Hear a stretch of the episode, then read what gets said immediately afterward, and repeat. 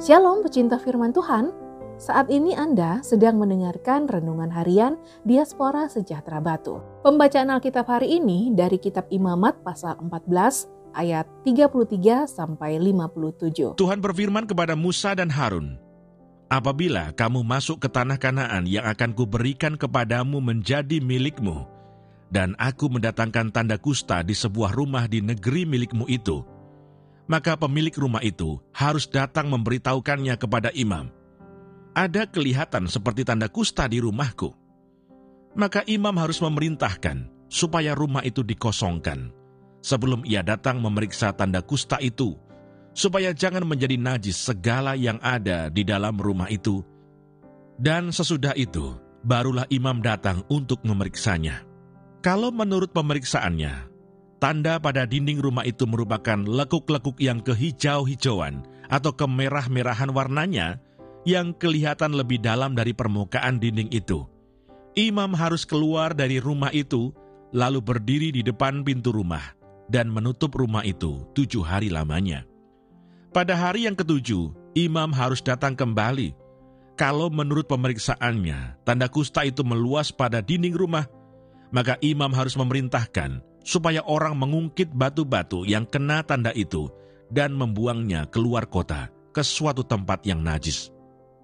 Dan ia harus mengikis rumah itu sebelah dalam berkeliling, dan kikisan lepa itu haruslah ditumpahkan keluar kota ke suatu tempat yang najis. Dan orang harus mengambil batu-batu lain, lalu memasangnya sebagai pengganti batu-batu tadi, dan harus mengambil lepa lain dan melepa rumah itu. Tetapi jikalau tanda itu timbul lagi di dalam rumah itu, sesudah batu-batunya diungkit dan sesudah rumah itu dikikis, bahkan sesudah dilepa lagi. Dan kalau imam datang dan menurut pemeriksaannya, tanda itu meluas di dalam rumah, maka kusta ganaslah yang di dalam rumah itu, dan rumah itu najis. Rumah itu haruslah dirombak, yakni batunya, kayunya, dan segala lepa rumah itu. Lalu dibawa semuanya keluar kota ke suatu tempat yang najis dan orang yang masuk ke dalam rumah itu selama rumah itu ditutup menjadi najis sampai matahari terbenam. Dan orang yang tidur di dalam rumah itu haruslah mencuci pakaiannya. Demikian juga orang yang makan di dalam rumah itu haruslah mencuci pakaiannya. Tetapi jikalau imam datang dan menurut pemeriksaannya tanda itu tidak meluas di dalam rumah itu sesudah dilepa, maka imam harus menyatakan rumah itu tahir karena tanda itu telah hilang. Kemudian untuk menyucikan rumah itu, haruslah ia mengambil dua ekor burung, kayu aras, kain kirmisi, dan hisop. Burung yang seekor haruslah disembelihnya di atas belanga tanah berisi air mengalir. Lalu ia harus mengambil kayu aras dan hisop, kain kirmisi, dan burung yang masih hidup itu, dan mencelupkan semuanya ke dalam darah burung yang sudah disembelih dan ke dalam air mengalir itu Kemudian ia harus memercik kepada rumah itu tujuh kali. Dengan demikian, ia harus menyucikan rumah itu dengan darah burung, air mengalir, burung yang hidup, kayu aras, hisop, dan kain kirmisi. Dan burung yang hidup itu harus dilepaskannya keluar kota ke padang. Dengan demikian ia mengadakan pendamaian bagi rumah itu. Maka rumah itu menjadi tahir.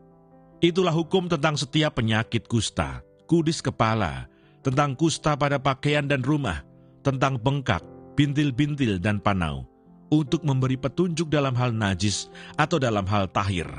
Itulah hukum tentang kusta. Ayat Mas hari ini dari kitab Imamat pasal 14 ayat 34 sampai 35. Apabila kamu masuk ke tanah Kanaan yang akan kuberikan kepadamu menjadi milikmu, dan aku mendatangkan tanda kusta di sebuah rumah di negeri milikmu itu, maka pemilik rumah itu harus datang memberitahukannya kepada imam. Ada kelihatan seperti tanda kusta di rumahku. Imamat pasal 14 ayat 34 sampai 35. Renungan hari ini berjudul kebersihan bagian dari iman, bagian yang pertama. Rumah yang Allah buat melalui perantaraan Musa haruslah kudus, sebab di situlah Allah akan bertahta dan dekat dengan umatnya. Pembuatan kemah suci memerlukan ketelitian supaya sesuai dengan instruksi Allah. Kekudusan menjadi tema penting dalam kehidupan bangsa Israel, sebab Allah adalah kudus. Kudus dalam konteks bacaan saat ini juga menunjuk pada kebersihan tempat tinggal umat Allah. Kebersihan kemah yang mereka tempati menjadi hal yang harus diperhatikan bangsa Israel, karena kemah yang kotor dapat menimbulkan kusta pada orang-orang yang tinggal dalam kemah tersebut, sehingga kemah itu menjadi tidak kudus. Jika kemah tidak lagi menjadi kudus, maka pemiliknya dan imam harus bertanggung jawab mengembalikan kekudusan dengan cara melakukan ritual-ritual yang sudah Allah tetapkan bagi mereka betapa detailnya Allah memelihara bangsa Israel, mulai dari kehidupan ibadah sampai kehidupan sehari-hari di tenda. Semuanya diatur Allah dengan tujuan untuk menjadikan bangsa Israel sebagai bangsa percontohan, sehingga melalui bangsa Israel, dunia dapat menerima keselamatan dari Allah. Bacaan saat ini kiranya juga menolong kita untuk belajar menjaga hidup di hadapan Allah. Ada slogan yang berbunyi, kebersihan bagian dari iman.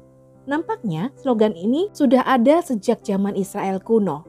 Mari tetap jaga dan terus realisasikan dalam keseharian anak-anak Tuhan. Sadarilah bahwa keberadaan iman seseorang akan mempengaruhi kehidupan sehari-harinya. Tidak seharusnya kita hanya mementingkan hal-hal yang bersifat spiritual dan mengabaikan kehidupan sehari-hari. Jika kita mengasihi Tuhan dengan segenap hati, maka kita akan belajar mengasihi diri sendiri dengan cara menjaga kesehatan, baik itu pola makan, istirahat, kebersihan diri, dan kebersihan tempat tinggal kita.